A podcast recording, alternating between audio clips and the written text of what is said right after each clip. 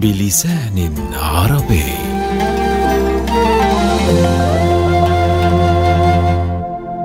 سلوان حامية القدس.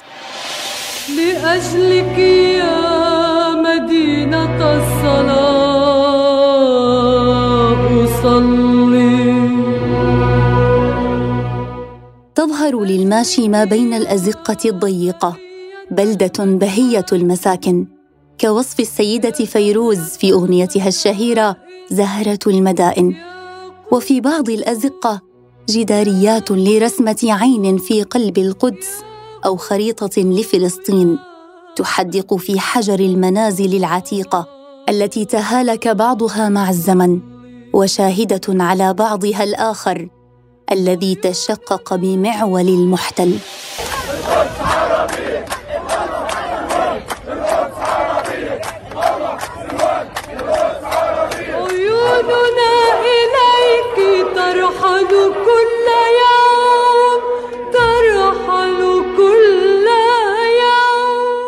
إنها بلدة سلوان في القدس المحتلة جارة سور القدس التاريخي والدرع الجنوبي للمسجد الأقصى المبارك. كانت شريان حياة القدس يوما ويريدها المحتل مدينة داوود المزعومة. يروي التاريخ أن سلوان هي المكان الذي نشأت منه مدينة القدس بالأصل قبل أكثر من خمسة آلاف عام على يد اليبوسيين الذين أسموها يبوس نسبة إليهم. ثم سميت سيلا باللغة السامية والتي تعني الهدوء والسكينة. إلى أن صار اسمها سلوان كما ورد في كتب العرب القدامى مثل ياقوت الحموي والإدريسي والمقدسي. اعتبرت سلوان منبع الماء الرئيسي لحياة القدس طوال فترة الحكم الإسلامي.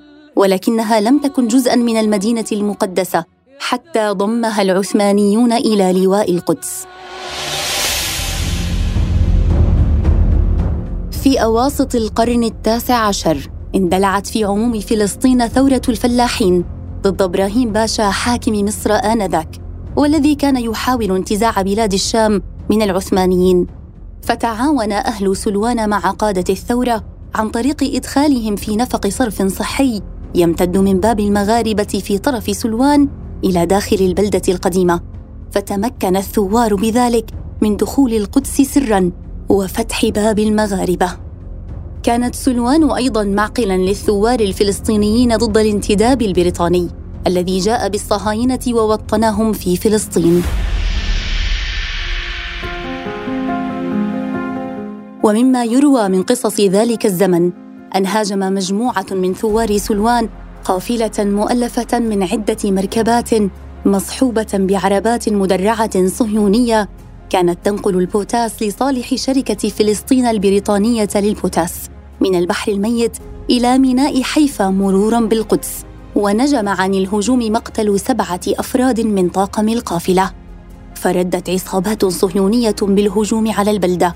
وتفجير بعض منازلها وإرهاب أهل البلدة بالرصاص والقنابل التي كانوا يطلقونها من معاقلهم في الحي اليهودي. كانت هذه الهجمات عنيفة لدرجة أن سكان البلدة كانوا يضطرون لترك منازلهم قبل شروق الشمس ولا يعودون إليها إلا بعد الغروب.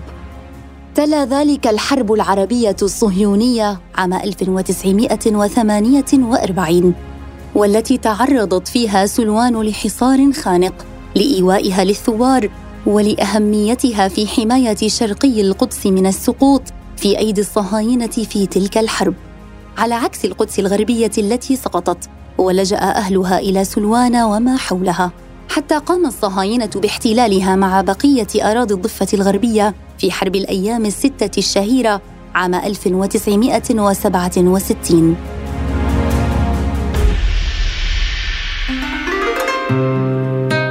اشتهرت بلدة سلوان حتى الخمسينيات من القرن الماضي بالزراعة لخصوبة أراضيها ووفرة مياهها. فأهل سلوان يتباهون بذلك في أمثالهم الشعبية ويقولون جاي تبيع السلع على أهل سلوان على وزن المثل الشعبي المصري جاي تبيع المية بحارة السقايين. ذلك أن عين سلوان هي النبع الأهم في القدس اكتشفها اليبوسيون عندما سكنوا المنطقة. وحفروا نفقا تحت العين لنقل الماء إلى البلدة القديمة في القدس وما حولها من القرى. وقد وصفها ياقوت الحموي في معجمه بقوله عين سلوان عين نضاخة يتبرك بها ويستشفى فيها بالبيت المقدس. وتعد العين مقدسة في الدين المسيحي إذ يعتقد أن المسيح استخدم مياهها لإعادة البصر لأحد الرجال المكفوفين في واحدة من أشهر معجزاته. فقام البيزنطيون ببناء كنيسة في المكان ما تزال آثارها موجودة حتى اليوم. سجلت عين الماء في الوقف الإسلامي في عهد عثمان بن عفان رضي الله عنه لفقراء المدينة. ومن بعده أوقفها صلاح الدين الأيوبي على مصالح المدرسة الصلاحية عند باب الاسباط شمال البلدة القديمة. وبعد احتلال سلوان قام الاحتلال الصهيوني بتهويد العين. فأنشأ محطة لدخولها بعائد مادي وهي التي ظلت شريان حياة ساكني البلدة ووقفا خيريا زمنا طويلا. يعلو عين سلوان الجارية معلم من قلاع الصمود في وجه التهويد مسجد عين سلوان الذي تعرض إلى انهيارات وتشققات خطيرة في جدرانه أثرت على بنيته التاريخية بسبب قيام سلطات الاحتلال بحفر نفق ضخم يصل من أسفل المسجد إلى السور الجنوبي للأقصى عند حائط البراق كجزء من مشروع يطلقون عليه الحج اليهودي. تهويد البلدة. لتهويد معالم سلوان كان لابد للجمعيات الاستيطانية من الجمع بين عنصرين مستوطنون يمتهنون السرقة والتخريب وسلطة تحتمي بقانون عنصري. ففي عام 1986 تأسست جمعية إلعاد الاستيطانية وادعى رئيسها آنذاك أنه دليل سياحي وتعرف على أحد سكان سلوان وعمل معه بمجال السياحة وبعد سنوات قليلة قام بالاستيلاء على عقاره وبدأت إلعاد مسلسل التهويد المنظم للبلدة متذرعة بقانون ما يعرف بأملاك الغائبين. والذي ينص على فقدان ممتلكات كل فلسطيني اضطر للخروج من فلسطين أو السفر أثناء احتلال القدس ويمنع هذا القانون العرب من العودة إلى منازلهم التي تركوها أما من أصله يهودي فله الحق أن يأتي من أي مكان في العالم ويحصل على الجنسية الإسرائيلية ويسكن في منازل الفلسطينيين بموجب ما أطلقوا عليه قانون العودة اليهودي. لا يتوقف الأمر على ذلك فحسب، بل إن بلدية الاحتلال تفرض قيودا مشددة على البناء في سلوان، مما يبقي السكان الفلسطينيين أمام خيارين أحلاهما مر، إما البناء بدون رخصة أو العيش في أحياء مكتظة جداً. يؤدي الخيار الأول إلى هدم المنزل من قبل بلدية الاحتلال بحجة عدم الترخيص إما بمهلة تعطيها لصاحب المنزل ليهدم بنفسه وعندما يرفض تهدمه سلطات الاحتلال وتغرمه مبلغا كبيرا قد يصل إلى تسعة آلاف دولار أو إلى تحرير مخالفات باهظة بحق أصحاب المنزل تفوق قدرتهم في أحسن الأحوال. ولسان حال المقدسي أنت لا تعلم متى سيتم طردك من منزلك.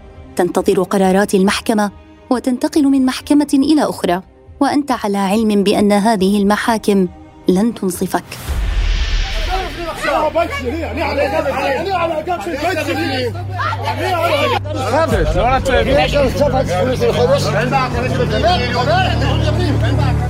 لقد أصبحت هذه الاشتباكات مشهدا متكررا لمقاومة أهالي سلوان تهويد بلدتهم فأكثر من 700 عائلة منهم تواجه خطر التهجير والإخلاء في البلدة بموجب هذه القوانين العنصرية في أي لحظة بينما عدد البؤر الاستيطانية في تزايد حتى وصل إلى أكثر من 83 بؤرة حتى تاريخ هذه الحلقة. ديموغرافيا. في سلوان 12 حياً منها ستة أحياء مهددة بالهدم الكامل وتهجير أكثر من سبعة آلاف فلسطيني. هي أحياء وادي الحلوى والبستان وبطن الهوى ووادي الربابة ووادي ياصول وعين اللوزة. أول أحياء سلوان وأقدمها هو حي وادي حلوى الملاصق لسور القدس وباب المغاربة. استولت سلطات الاحتلال على القسم الأقرب للسور من الحي وحولته إلى موقف جفعات الذي كان تجمعا للباصات حينا. أما الآن فقد أصبح منطقة سياحية فيها متحف ومركز ثقافي صهيوني. سمي الموقف بذلك على إثر عمليات مسلحة قام بها عدد من الشبان الفلسطينيين عام 1981 ضد وحدة جفعات الصهيونية وقتل فيها ستة جنود آنذاك فاستولى عليها الاحتلال بعد تلك العملية. في وادي الحلوة أكثر من 130 مبنى مهدد ما بين هدم أو انهيار أو استيلاء. فيما زرعت بقوة الاحتلال 42 بؤرة استيطانية في الحي حتى 2021 حي البستان.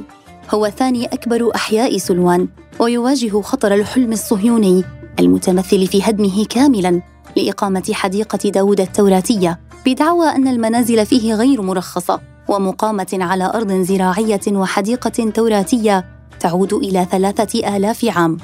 ويعد حي بطن الهوى جزءا من الحارة الوسطى في سلوان وتدعي جمعية عطيريت كهانيم الاستيطانية ملكية جزء يتكون من ثمانين بيتا من بيوت الحي وأن ملكية تلك المنازل تعود ليهود من أصول يمنية.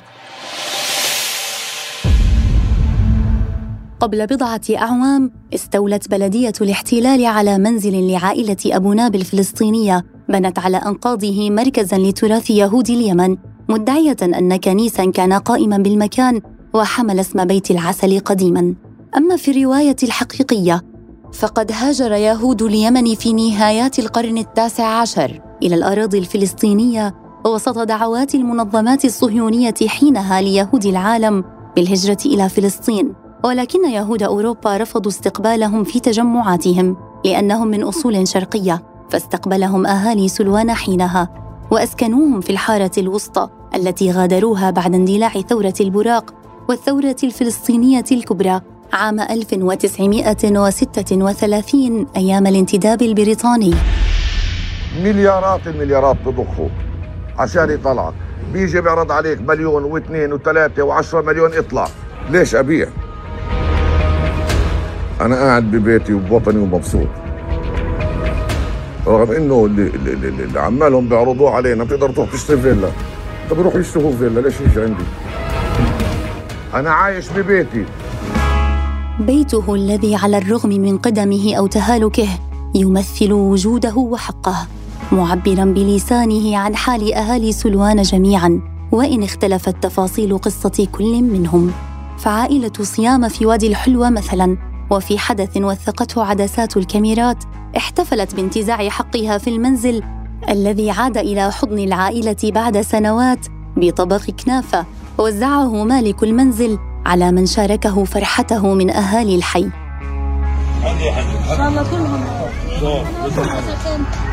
لا هي فرحة فرحة. الله يربيكم كل كل